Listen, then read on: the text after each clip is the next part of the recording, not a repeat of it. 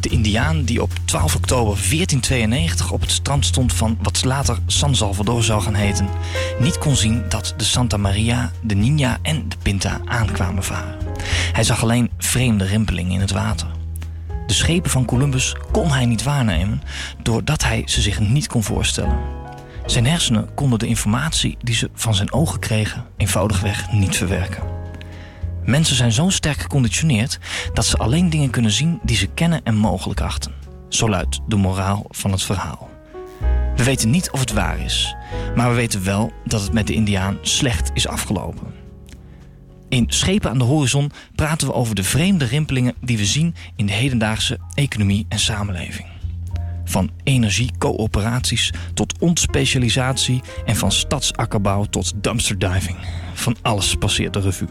En steeds vragen we ons af, wat zien we hier eigenlijk? En vooral, wat zien we niet, maar komt wel recht op ons af. Goedenavond en welkom bij Schepen aan de Horizon op Oogradio. Dit is de zesde aflevering en we gaan praten over actuele en toekomstige maatschappelijke ontwikkelingen. Vandaag geld. En hoe is het zo gekomen? Hoe is het nu en hoe moet dat in de nabije toekomst? Mijn naam is Maarten Brons en hier in de studio zitten ook Rick van der Klei, Lieke de Vries en onze speciale gast van vanavond, Rutger van Zuidam. Welkom. Welkom. Dank je. Ja. Dankjewel, goedenavond. Ja, Rick en Rutger gaan in drie blokken over geld praten. Tussendoor is Liekle factchecker en lifehacker en ondertussen online in de social media. Ronald Mulder is even met vakantie. We hebben ook twee stukken interessante muziek en een rubriek waar we gelijk mee gaan beginnen. Want het is, het is tijd voor rimpelingen. Ja, in rimpelingen... Oh, stop. Wat was dat voor mooi geluidje? Ja, dat is Doe even nog een keer. Dat is de scheepsbel. Oeh, nice. Die kondigt de rimpelingen aan en af. Ja, Liekle, ik begin even bij jou. Want ik kreeg een mailtje van Bol dat er een nieuw boek is van 37 Signals. Hoera. Ja. Roepen we dan allemaal. Waarom eigenlijk? Hoera. Wat is daar hoera aan? Hoera. Uh, om twee redenen. Ten eerste, uh, wat mij betreft. Uh, ten eerste omdat um, 37 Signals een hartstikke leuk bedrijf is... waar iedereen eigenlijk over zou moeten horen. Wat doen ze dan, Liekle? Nou, um, wat doen ze dan? Oh ja, uh, goed dat je het vraagt. Ze maken uh, software die je online kunt gebruiken, bijvoorbeeld om projecten mee te plannen. Dat heet dan Basecamp. En allerlei andere um, mooie, handige tools. Dat doen ze ondertussen al jarenlang. Daar zijn ze hartstikke goed in. Ik heb laatst uh, begrepen dat hun servers en hun diensten al een maand of 300% van de tijd up zijn. Oeh. Dat is in een wereld waar uh, 99,97 of zo heel normaal is, is dat dus heel bijzonder. Wat en is, het zijn hele leuke up, mensen. Uh, nou, dat, dat de server het doet de hele tijd. Dat je erbij kan en dat hij op geen enkel moment even niet thuis geeft. Dus op geen altijd thuis? Nou, ze zijn altijd thuis. Dus dat betekent dat Jason Fried en David Heinemeier Hansen altijd thuis zijn. Maar in hun nieuwe boek zijn ze juist of, hè? Hoe zit ja, dat nou? Nou ja, daarom heet het boek Remote. Ze hebben eerder al andere boeken geschreven. Um, Getting Real was de eerste over hun manier van werken. Heel simpel, recht toe recht aan programmeren, bouwen en nadenken. Uh, een tweede boek heette Rework en ging ook nog een keer over de manier van werken. En hun nieuwste boek, waar jij dat mailtje over kreeg van Bob.com, ja. heet uh, Remote. En dat gaat over lekker werken waar je lekker werkt. In plaats van per se van 9 tot 5 in een kantoor op elkaar kruipen. Nou, dat lijkt mij uh, erg interessant. Maar is dat niet een beetje mos na de maaltijd? Hadden ze dat boek niet vier jaar geleden moeten schrijven? Nou, dat zou je ze zelf nog een keer moeten vragen. Ik denk uh, wat het boek op dit moment zo kansrijk en zo krachtig maakt... is dat we in Nederland ondertussen al een paar jaar lang over het nieuwe werken praten. En mm. eigenlijk de hele tijd ervaren dat het alleen maar het nieuwe werk plekken is. Dat het alleen maar gebruikt wordt om nou ja, minder uh, bureauruimte in gebouwen te hebben... zodat uh, je minder huur hoeft te betalen. Het nieuwe voor besparen. Precies. Ja, ja. Mm -hmm. um, waar uh, remote veel meer ingaat op... als je nou met je team uh, niet dagelijks bij elkaar in dezelfde ruimte zit... in hetzelfde gebouw zelfs, op hetzelfde continent zelfs... Uh, hoe zorg je er dan voor dat je toch op tijd je werk af hebt... en dat het goed is? Dat wordt in remote heel leuk uitgelegd. En um, denk jij, Liekle, dat dit weer zo'n zo'n knallende kraker gaat worden als rework? Nou ja, dat, dat weet ik niet. Ik zie er, wat ik er vooraf zie van zie. Ziet er prachtig uit. Ze hebben ook weer hele mooie filmpjes van tevoren gemaakt om het uit te leggen. Het oh. artwork is prachtig. En ik heb ondertussen alleen nog maar mooie dingen van die mensen gezien. Dus ik verwacht er ook wel wat van. De verwachtingen zijn hoog gespannen. Dus als rimpeling en uh, nog op tijd voor de Sinterklaas. Ah, zet hem op je lijstje. Holiday het boek, het boek Remote van 37 Signals. Nou, uh, klinkt heel interessant. Dan... In ieder geval kan uh, degene die jij trekt, Little, dat boek vast uh, in zijn schoen verwachten, of niet? Ik heb hem zelf nog niet gekocht, dus dat klopt. Dat kan nog. We gaan door naar de volgende rimpeling. Um, want er was een documentaire in tegenlicht, volgens mij. En er was een hoop om te doen, volgens mij. Ja, een paar weken terug was een aflevering van Tegenlicht met als titel Mensen van Nu. Van nu? Maar dat was toch eigenlijk een voortborduursel op een docu uit 1964, Mensen van Morgen? Zijn wij dan niet nu al de mensen van morgen? Dat is een hele goede vraag. In 64 was ik er nog niet. Nee, ik ook niet. Dus dat, uh, dat kan ik me zo goed niet herinneren. Um, wat interessant is, is dat uh, in die um, specifieke aflevering van Tegenlicht van een paar weken terug kwamen allemaal hele jonge mensen tevoorschijn. Die um, het een beetje buiten het systeem om lijken te doen. Lijken? Uh, nou ja, of, of echt doen. Er zat een jongen in die gewoon dagelijks uh, de vuilnisvaten van allerlei bedrijven langs gaat. En daar gewoon fantastische maaltijden uit uh, weet te halen. Hm. Van voedsel wat soms gewoon nog in de verpakking zit. En waar nog echt helemaal niks mis mee is. Wat gewoon weggegooid Mooie blokken kaas had dus hij. Ja. Het kost hem geen geld. Het kost hem wel tijd en moeite om het te verzamelen. En uh, hij eet er fantastisch van. Hij en kost het hem ook een paar levensjaren uh, van zijn levensverwachting? Of uh, is dat even gezond als uh, wat we in de supermarkt nou ja, wat ik, in de schappen zelf vinden? Uit die aflevering bleek dat, er, dat hij gewoon heel vaak eten uit die afvalbakken haalt... wat nog niet eens aan zijn uiterste houdbaarheidsdatum toe is. Um, en wat dus ook gewoon nog prima te eten is. En helemaal als het in de volledig in de verpakking zit. Dus dat was er eentje. Maar ook iemand anders die gewoon op een zeilschip uh, stapt en uh, naar een, een andere een ander continent vaart. Daar dan, uh, ik meen, koffiebonen. Ja, en rum. En rum ophaalt. En, en, dat weer terugbrengt naar Nederland. En zo zegt van nou, dit is de, hoe goederen eigenlijk getransporteerd zouden moeten worden. Je zou eigenlijk alles ter plekke lokaal tot je beschikking moeten hebben. En dan alleen voor dingen die echt niet bij jou willen groeien of die je bij jou niet uit de grond kunt graven, moet je nog eens een keer op een schip stappen en het ergens anders vandaan halen. En zo hoort maar zijn het. dat mensen van nu? Dat was een schip naar Kolonië de... varen om daar dan rum en koffie te halen. Ja, dat klinkt toch alsof het vijf eeuwen geleden is. Nou ja, dat, uh, dat is... Uh, Mensen van eer, eer, eer gisteren. Ja, het was uh, niet ontdaan van heel veel romantiek ook. Maar wat je al deze jongeren, want het waren eigenlijk allemaal jonge mensen, hoorde zeggen was... Um, zoals het nu gaat, uh, in dit systeem voelen wij ons niet thuis. Wij willen terug naar een kleinere maat, naar een menselijke maat. En uh, zo'n zeilschip, dat kun je met een paar mensen kun je dat zelf bedienen. Mm. Um, daar ben je niet afhankelijk van computersystemen of van andere partijen. Uh, dat kun je helemaal zelf doen. Uh, die afvalbakken, daar kun je zelf induiken. en, naar je toe organiseren. Naar je toe organiseren. Mensen die van alles nog wat lenen in plaats van kopen. Um, die proberen te wonen zonder daar geld aan uit te geven. En uh, dat kan allemaal kennelijk, want ze zagen maar, er allemaal gezond uit. Ja, maar uh, ik heb uh, gelezen dat er ook een hoop om te doen was. Dat er flink wat uh, discussie los, losbarstte. Nou, een van de leukste commentaren die ik tegenkwam was van ja, ja, maar als je natuurlijk al geld zat hebt, dan is het niet meer zo moeilijk om het eens een keer anders te gaan doen. Dat geldt natuurlijk niet voor mensen die in de bijstand zitten of zo. Ja. En um, ik kan me heel goed voorstellen dat je mensen dat als commentaar gaven op deze specifieke documentaire. Want de mensen die erin aan bod kwamen, die, die maakten wel allemaal die indruk dat ze uit de Amsterdamse grachtgordel kwamen. Hm. Dat ze misschien allemaal al een keer gecashed hadden met een bedrijf. Of met een beursgang, bij wijze van spreken. En dat ze daarna besloten om het anders te doen. Of en toch, hun ouders dat gedaan hadden. Of hun ouders. En toch denk ik niet per se dat dat waar hoeft te zijn. Want ik uh, zie ook om mij heen elders in het land en elders in de wereld allerlei mensen die op deze manier naar zich toe organiseren, um, zich onttrekken aan hoe de grote groep denkt dat het gedaan moet worden en hartstikke gezond zijn en geen enkel probleem hebben en uh, helemaal prima. Dus ik, uh, ik snap wel dat die specifieke documentaire en de mensen die daarin te zien kwamen dat commentaar opriepen. Um, maar ik denk dat het geen unieke mensen waren. Ik denk dat er heel veel meer van zijn. En zo is het archaïsche systeem misschien wel het moderne systeem aan het worden. Mensen die oude tradities uh, nieuw leven inblazen en zo het nieuwe systeem weer vormgeven. Interessant om te zien. Nou, ja. misschien wel. De wereld wordt groter en dus weer kleiner. Ehm, we gaan terug naar de mogelijkheden van contact die je had in de tijd dat we nog een, een, ja, een agrarische samenleving waren. Oh ja, maar dan, vroeger was alles beter. Nou ja, dat hoor je mij niet zeggen, maar... ik kan wel een, een leuk voorbeeldje geven over hoe dat oh, kan werken. Doe maar. Ja, um, ik, heb, ik, heb, ik heb ook een, een, een e-commerce bedrijfje, dat is een start-up en er werken een aantal mensen. En toen wij uh, ons kantoortje kregen in de binnenstad van Groningen... Uh, heb ik op Twitter geplaatst van uh, ja, wie wil een, een armlastige start-up helpen met wat ja, meubels, kantoormeubelen die over zijn.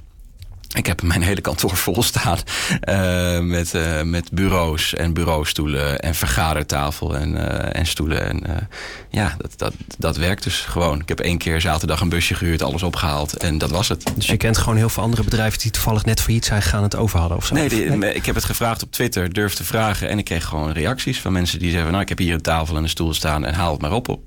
Ja. Dus dat, dat soort dingen werken echt. Het is wel een heel makkelijk voorbeeld. Ik denk dat te veel mensen zich ook niet eens realiseren dat ze gewoon hardop zouden kunnen zeggen wat ze nodig hebben of wat ze graag zouden willen. In plaats van hun mond houden en zich opwinden over dat het niet gebeurt. Ja.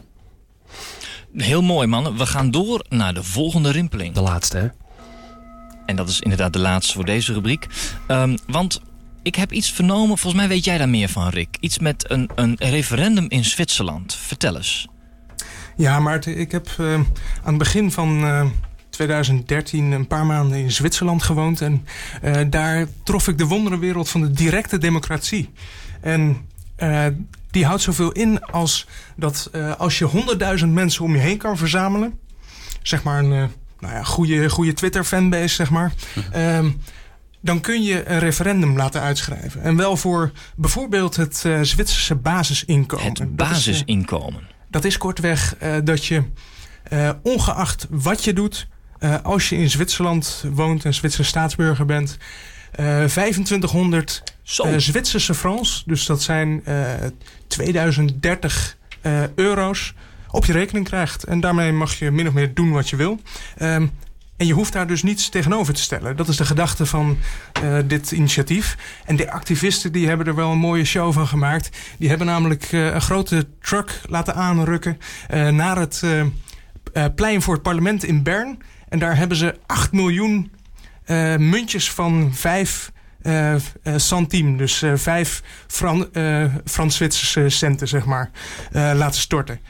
Dus een enorme berg met... Uh, je bedoelt storten, niet op de bank storten, maar nee, echt fysiek op het plein, op het plein storten. Een vracht, vrachtwagen vol. Ja, de meest plastische manier van storten Zo. die je kunt voorstellen.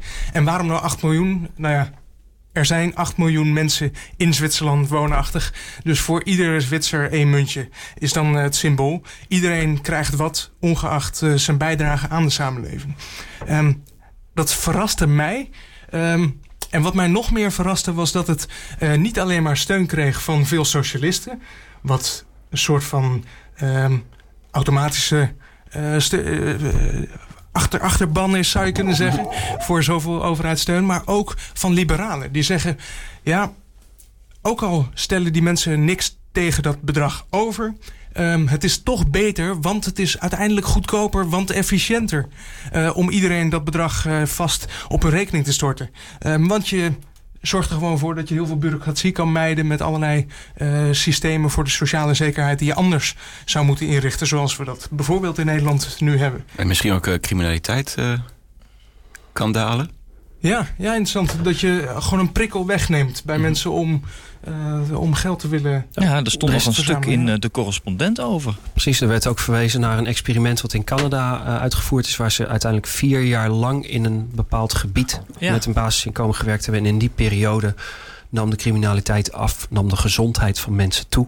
Ja, Als dat in, was in de, jaren, minder, in de jaren 70. Minder vaak naar het ziekenhuis, we hoefden minder vaak bij een huisarts te zijn.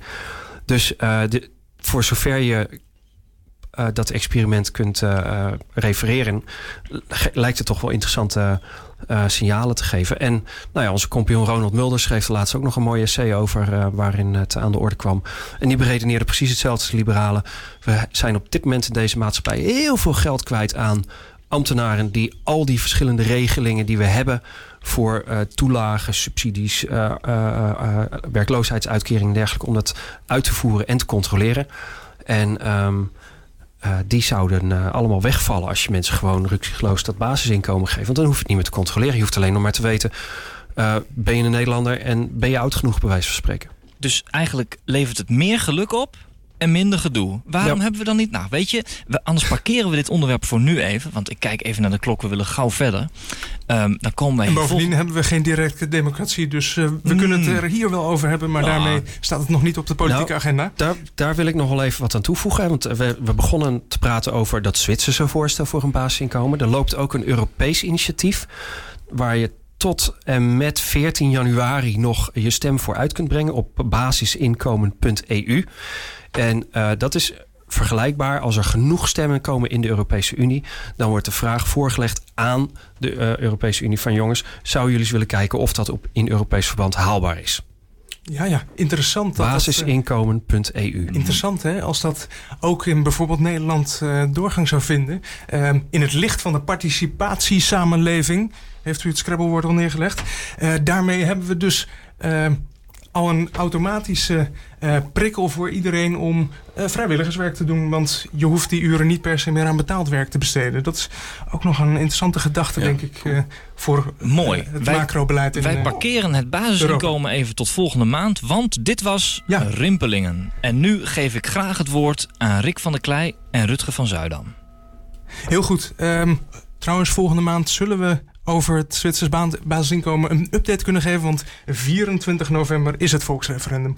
Um, even tegen die achtergrond van grote systemische veranderingen gaan we praten met uh, iemand die zich ook wel eens druk maakt om het uh, financiële systeem dat we in Nederland hebben. En dat is Rutger van Zuidam. Welkom Rutger. Dank je, Rick. Rutger, je bent uh, internetondernemer. Mm -hmm. Maar waarom maak je je druk om het financiële systeem in Nederland? Nou, niet alleen in, uh, in Nederland. Uh, ik vind het geld uh, speelt bij het ondernemen natuurlijk een nou, substantiële rol, zullen we maar zeggen. want als er geen poen binnenkomt, dan draait je bedrijf niet. Um, en in um, mijn vorige bedrijf, uh, dat ik samen met een aantal compagnons had, Paylogic, online ticketing systeem. Daar hadden we heel veel met online betalingen te maken. En uh, ja, dan zie je al wat, uh, hoe het gaat met ja, zeg maar digitaal waardepapier. Een e-ticket, dat koop je, dat kost misschien 20 euro, maar je print dat uit en dat is nog steeds 20 euro waard, heb je ervoor betaald. En dan kom je binnen bij een evenement waar je dan uh, naar je zin kunt hebben. Dus daar, daar, werd, daar werd ik al een beetje uh, gegrepen door het fenomeen. En toen, um, um, toen ben ik dat verder gaan onderzoeken. En, uh, en op een gegeven moment kwam daarin ook Bitcoin op mijn pad. Want het internet democratiseert. nou, nog, nog niet alles, maar is dat wel aan het doen. En toen dachten we van nou oké, we hebben nu uh, nieuws als het ware een beetje gedemocratiseerd. We hebben televisie eigenlijk een beetje gedemocratiseerd. Radio, nou zo kunnen we nog wel even doorgaan. Maar geld, hebben we geld nou al gedemocratiseerd? Want is, is, is geld... Geld is eigenlijk een beetje monopolistisch nu. We ja, betalen hier alleen maar met de euro. En met monopolistisch bedoel je... Uh, het monopolie dat de centrale bank in handen heeft uh, ja, over het geld. Ja, ja, ja. ja dus Laat, laten we eens terugspoelen naar uh, ietsje eerder dit jaar, 16 maart 2013. En uh, het schattige eilandje Cyprus. Mm -hmm. Want daar kwamen de mensen met geld op de bank er in één keer achter dat dat geld helemaal niet meer van hun was. Hoe zat dat? Wat gebeurde er ook weer, Rutger? Ja, volgens mij hadden die banken iets te veel geld uitgeleend. En, is ook wel een hele belangrijke functie natuurlijk van banken om geld uit te lenen. Maar als je daar te ver in gaat. Nou ja, en hoe al die constructies gaan, daar heb ik helemaal geen verstand van. Maar uh, uh, het kwam erop neer dat, dat die bank zijn deuren dicht deed, of moest doen. En dat mensen dus niet meer bij hun geld konden. En zodra die bank dan nog open ging, mochten ze maar een bepaald bedrag per dag pinnen om een bankrun te voorkomen. Een bankrun, wat is dat ook alweer? We rennen dan naar de banken om ons geld te halen, terug te halen? Dat is, het, eh, dat is het beeld wat je wel eh, kan gebruiken. Ja, ja, ja. En uh, nu met internetbankieren gaat, dan kun je dat natuurlijk vanuit je stoel doen thuis. Hè, maar dat, daar komt het wel op neer. Je hebt het bij uh, de, die, die, die bank ook gehad. Hè? Ja. En, ja, en mensen die zeiden van nou, doe mij dat geld maar even cash in de hand. Dan kan ik het in een sok stoppen en onder mijn wet uh, verstoppen. Dat is misschien beter. Maar kan iedere bank een bankrun aan?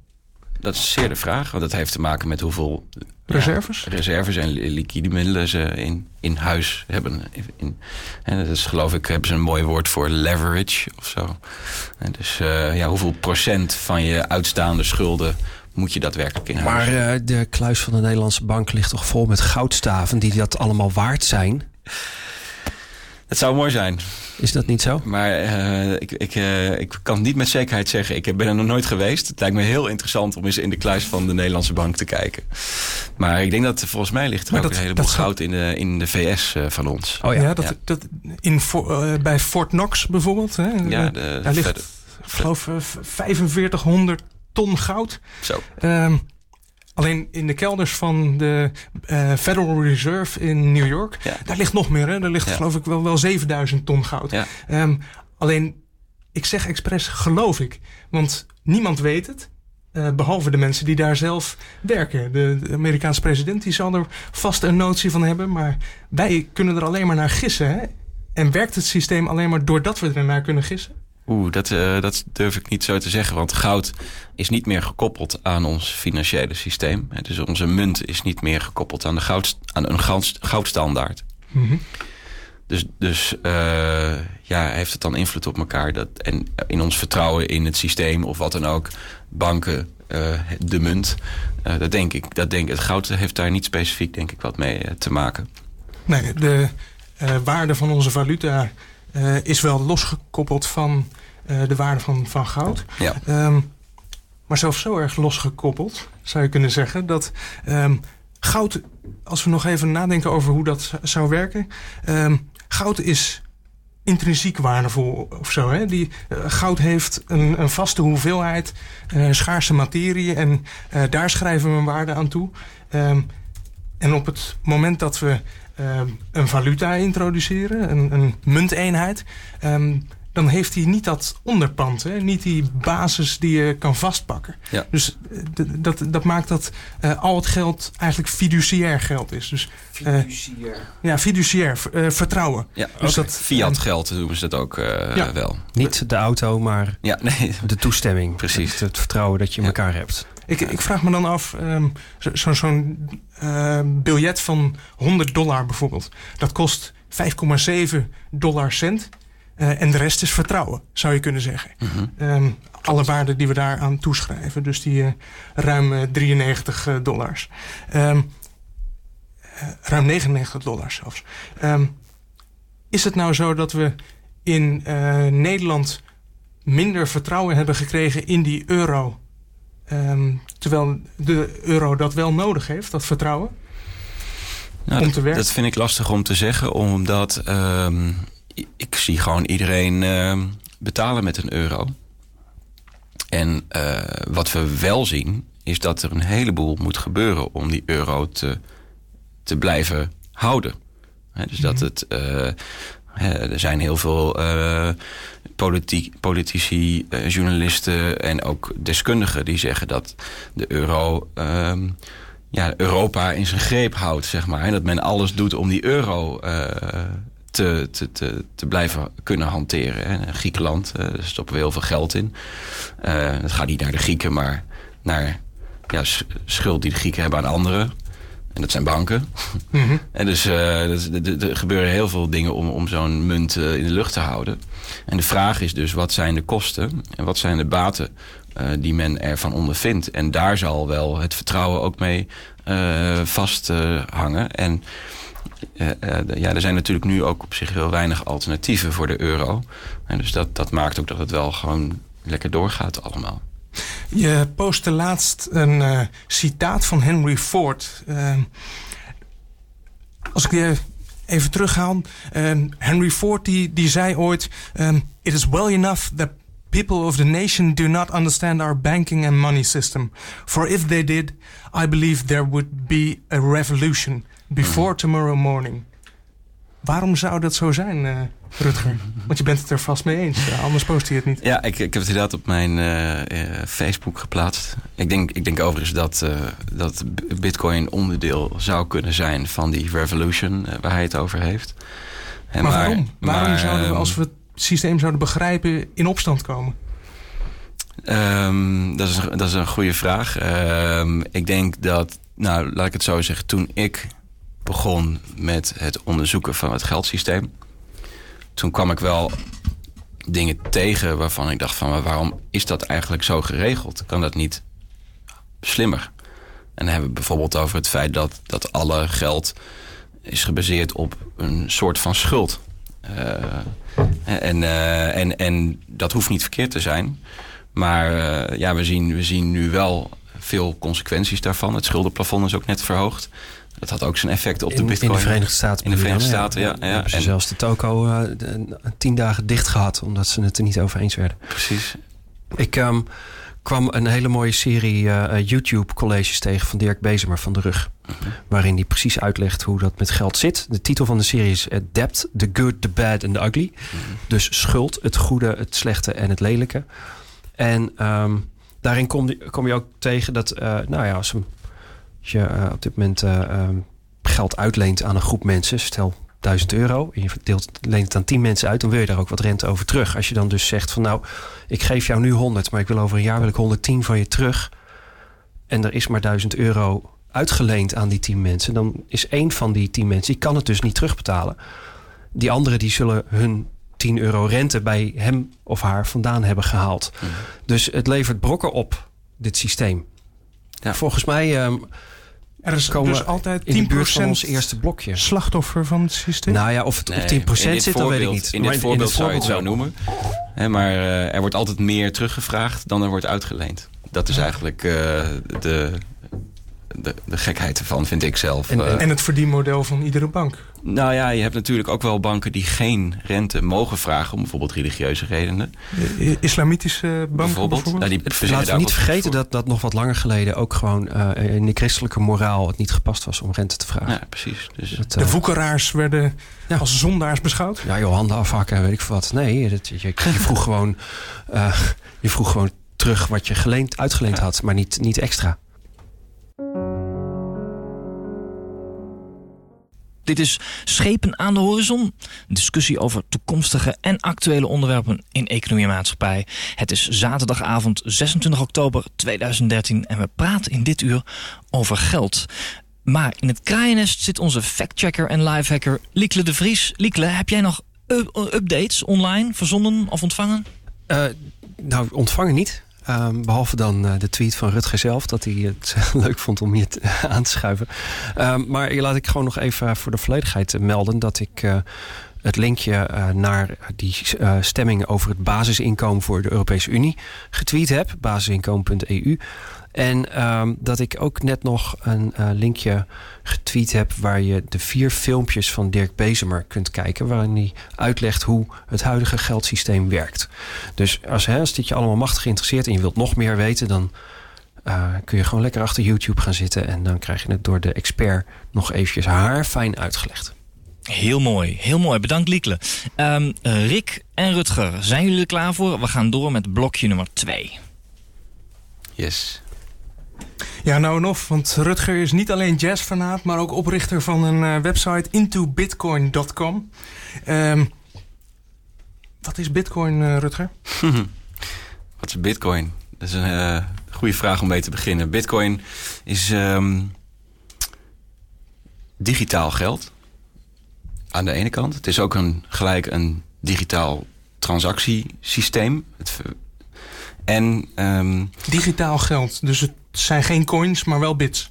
Ja, zo kun je het heel goed zeggen. Want een, een uh, bitcoin bestaat uh, uit uh, transacties. Dus gelijk een, een, leuke introductie om uit te leggen wat bitcoin zo bijzonder maakt. Is dat ehm, je hebt de transactiedatabase van een bank. Normaal gesproken, daar kun je niet in kijken. En elke bank heeft zijn eigen transactiedatabase. En die moeten allemaal met elkaar praten. Nou, dat is een heel complex systeem. Mm -hmm. uh, we hebben ook net uh, het, uh, het, Europese protocol SEPA ge geïntroduceerd. En nu hebben we allemaal een IBAN-nummer. en een BIC-code en noem het maar op. Ik dacht dat het iets met pennen was, maar dat was toch anders. En, um, we hebben veel nieuwe systemen, kortom. Ja, en dat moet allemaal, die zijn heel complex. En, en wat Bitcoin eigenlijk doet, is, is um, die hebben al, al die systemen tot, gereduceerd tot wat ze eigenlijk in essentie zouden moeten doen. En dat aan de ene kant uh, in, uh, centraal geregeld. Hè, dus we hebben één transactiedatabase. En we hebben één munt in, bij Bitcoin. Maar tegelijkertijd is hij wel decentraal. En dat is een beetje hetzelfde als internet. Moet ik vergelijken. We hebben allemaal gebruiken we de browser en we gaan allemaal het web op. En we hebben dus één protocol en er staan alle webpagina's op. Uh, eventjes deep web daar gelaten en Tor en doe het maar op. Maar even gewoon het internet zoals je het kent.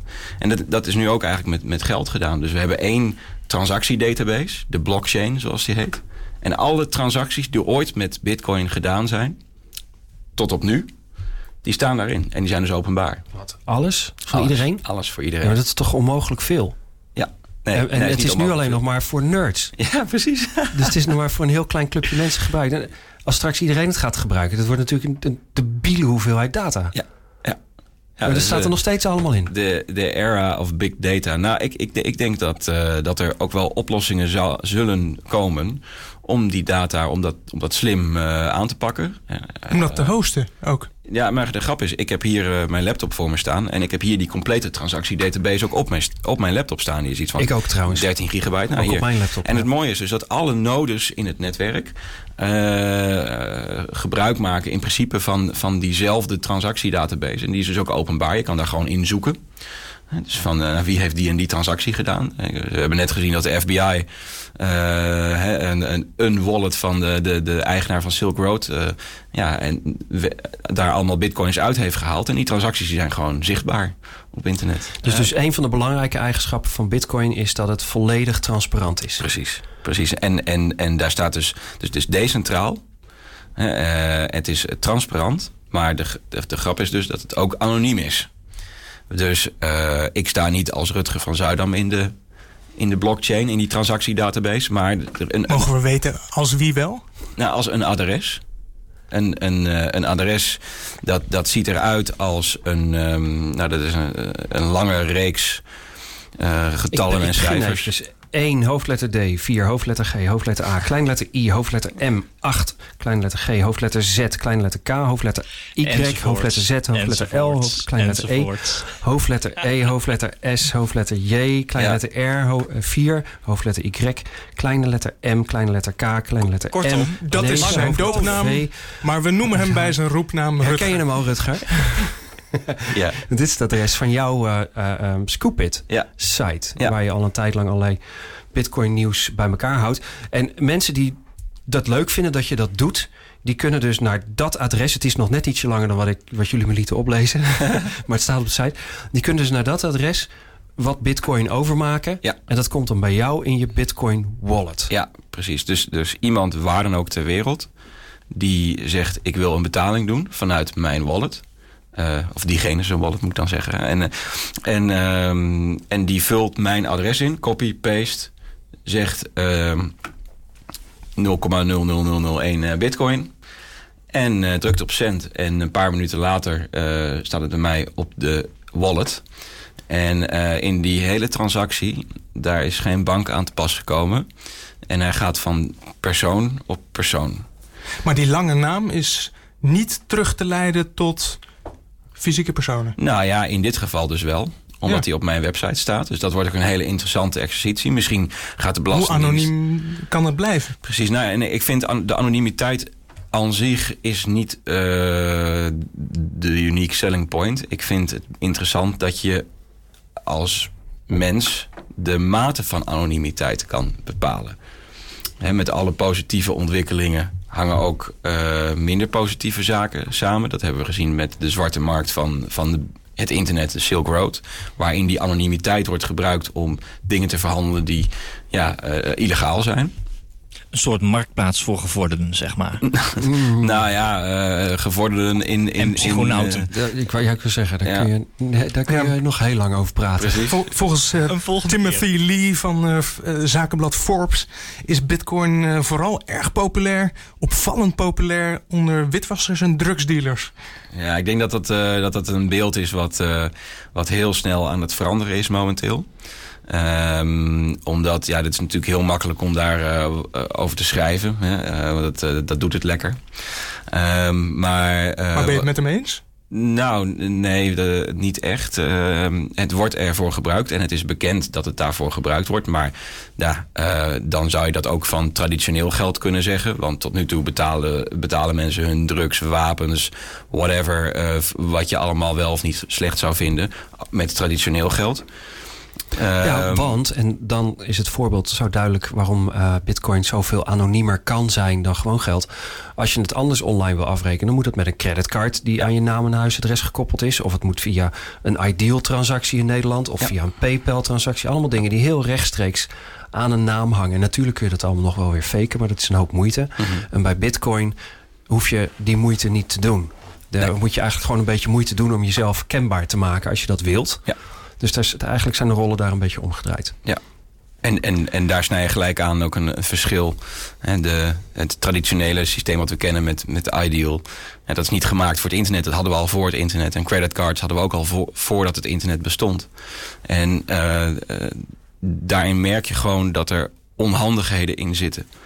Ehm, en, en dan denk je toch van ja, oké, betaling doen op internet via Ideal is toch makkelijk met zo'n identifier. En dan heb ik zo mijn code en poem, ik heb betaald. Maar dat hoeft dus allemaal niet meer met, met Bitcoin. Dus het is gewoon een klik op de knop, copy-paste, boom, je hebt betaald. En het is ook veilig, want het is jouw geld. Het geld stond bij jou. Oké. Ehm, we zijn, ja, we zijn Ja. zo lekker aan het kletsen. We gaan, we gaan even. Ja. Ik ga één vraag stellen en daarna gaan we een klein eh, muziekje draaien. Want eh, we hadden het er net nog over geld, of goud, pardon. En dat dat tegenwoordig losgekoppeld is van het geld wat wij eh, op onze bankrekeningen heen en weer gooien. Ehm, hoe zit dat met Bitcoin? Eh, kan dat eindeloos bijgemaakt worden? Nee.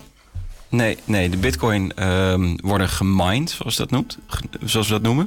Gemind? Ja. En ehm, ik weet niet, ik word niet gebeld. Hm. Nou, ehm, Airplane mode, ja. volgende keer. Airplane mode.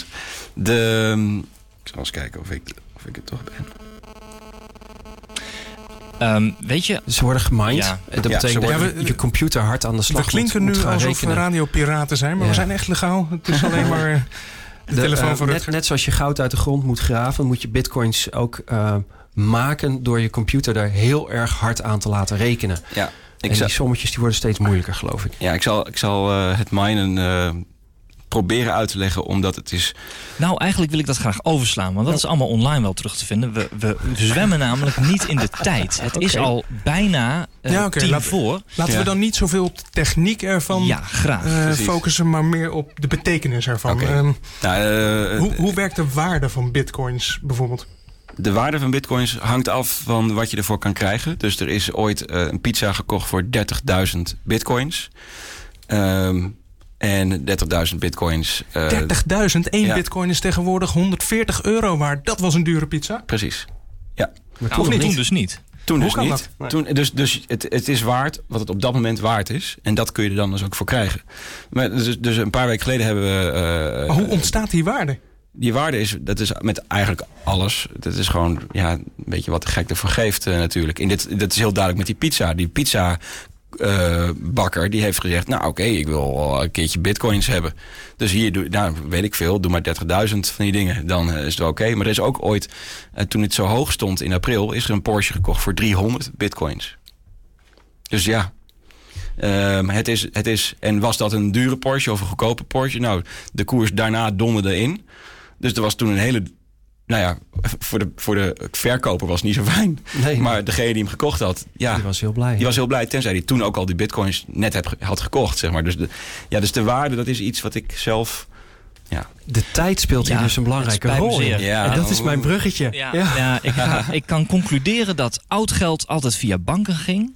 En dat schept afhankelijkheid en zelfs problemen als er bankruns komen. Dus je geld is niet aanspreekbaar. En nu kun je dus je geld omzetten in bitcoins. En daarmee kun je betalen van persoon naar persoon. En kun je kiezen voor de mate van transparantie. En heb je geen bank nodig. Ik geef het woord opnieuw aan eh, Liekle, Rutger en Rick. Ja, bestaan banken straks nog wel? Of meer specifiek, welke invloed heeft het, eh, het bestaan van en de opkomst van bitcoin nou voor de rol van banken in onze maatschappij? Rutger? nou, ik denk dat, dat banken een, eh, een, een, uh, een onwijs belangrijke rol vervullen in onze maatschappij zoals we die nu kennen. Um, ik denk ook dat ze dat zullen blijven doen. Alleen de, de manier waarop um, zou nog wel eens kunnen veranderen. En Bitcoin zou daar ook een belangrijke drijfveer in kunnen zijn. Uh, omdat namelijk de essentie van een bank, je brengt je geld er naartoe, het wordt veilig bewaard en je kan het er weer afhalen als je dat wil. Uh, dat kan nu gewoon door Bitcoin uh, gedaan worden. Sterker dat, dat, dat doet het al. Wereldwijd? Wereldwijd. En uh, apolitiek. Dus uh, een overheid of een, uh, zelfs de Nederlandse bank heeft al gezegd... wij kunnen bitcoin zelf niet reguleren. Maar de diensten... Nooit? Kan de AFM, de Autoriteit Financiële Markten...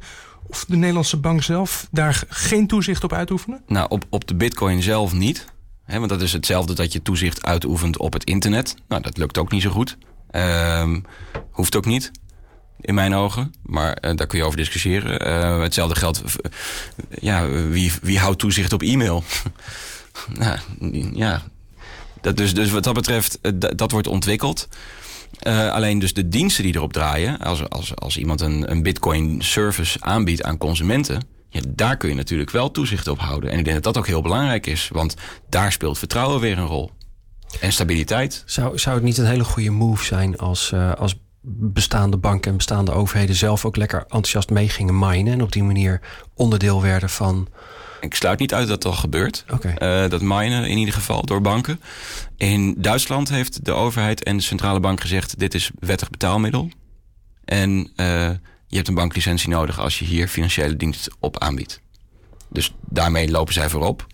De vraag is wat je doet als je het zou verbieden, bijvoorbeeld. Want dan zijn er andere landen die zeggen van go. En uh, ja, dan kun je concurrentiepositie ook verliezen. En je kunt uh, eindeloos nieuwe initiatieven opzetten weer uh, via dezelfde kanalen als Bitcoin dat doet misschien. Het is open source, dus iedereen kan erop bouwen en kan er meebouwen. Um, je kan zelfs uh, met bitcoins gaan programmeren. En dus omdat het digitaal is, kun je, kun je er ook uh, mee gaan programmeren. Dus dan krijg je eigenlijk uh, ja, een, een programmeertaal gebaseerd op geld. En wat zou dat betekenen voor de bestaande valuta? Dat is, een goeie, dat is een hele interessante vraag. Ik denk dat we daar meer tijd voor nodig ja. hebben. Ja, ik vrees ja. het ook. Want je zegt dat het open source is, maar uh, is het dan niet veel gevoeliger voor hacken? Dat criminelen er met je geld vandoor gaan? Um, dat ja en nee, want Bitcoin zelf als protocol is tot nu toe nog niet gehackt. En uh, ja, dat proberen heel veel mensen natuurlijk. Um, en uh, ja, het is wel zo dat je wallet bijvoorbeeld wel uh, gehackt kan worden. Maar dat heeft te maken met de beveiliging van je telefoon of je computer. Uh, maar die software die wordt ook ziende ogen steeds veiliger, stabieler. En ja, als je je pincode laat slingeren, dan is je, pin, ja, dan is je gewone bankrekening ook niet veilig, zeg maar. Ja, u hoort okay. het. Onze herkenningstune wordt al ingezet. Oh, jongens. Een uur vliegt. Te ja. Pragen, ja, dat is nou, voorbij. Laten, laten we dan een persoonlijke vraag aan Rutger nou, stellen. Om het, dat uh... doen we volgende keer, want we moeten nu echt stoppen. Het loopt alweer tegen negen. Dit was de zesde aflevering. Onze speciale gast was vanavond Rutger van Zuidam. Rutger, bedankt voor je komst naar de studio. Hartelijk dank voor het ontvangst. Uh, ja. Ik heb ervan genoten, hartstikke leuk. Ja. Blijf je inzetten voor bitcoin? Ja, ja zeker. Mooi. Vraag toch nog gelukt. Dankjewel Rutger van Zuidam voor al je bijdrage. Schepen aan de horizon wordt gemaakt door Rick van der Klei, Liekle de Vries, Ronald Mulder en mijn naam is Maarten Brons. De techniek is in handen van Roelof Donker. Over een maand zijn wij weer op 30 november om 8 uur 's avonds hier op Oogradio. En als u, beste luisteraar, nou ook een goede suggestie heeft voor een gast die we niet mogen missen en of een onderwerp dat we per se moeten behandelen, laat het ons weten. U kunt op verschillende manieren contact met ons opnemen. De hashtag op Twitter is SADH en onze website is sadh.nl. Al daar verschijnt eerdaags ook de podcast. Dit was Scheep aan de Horizon voor oktober. Het wordt vannacht wintertijd. Houd rekening met het verlies van een uur. Bedankt en tot volgende maand.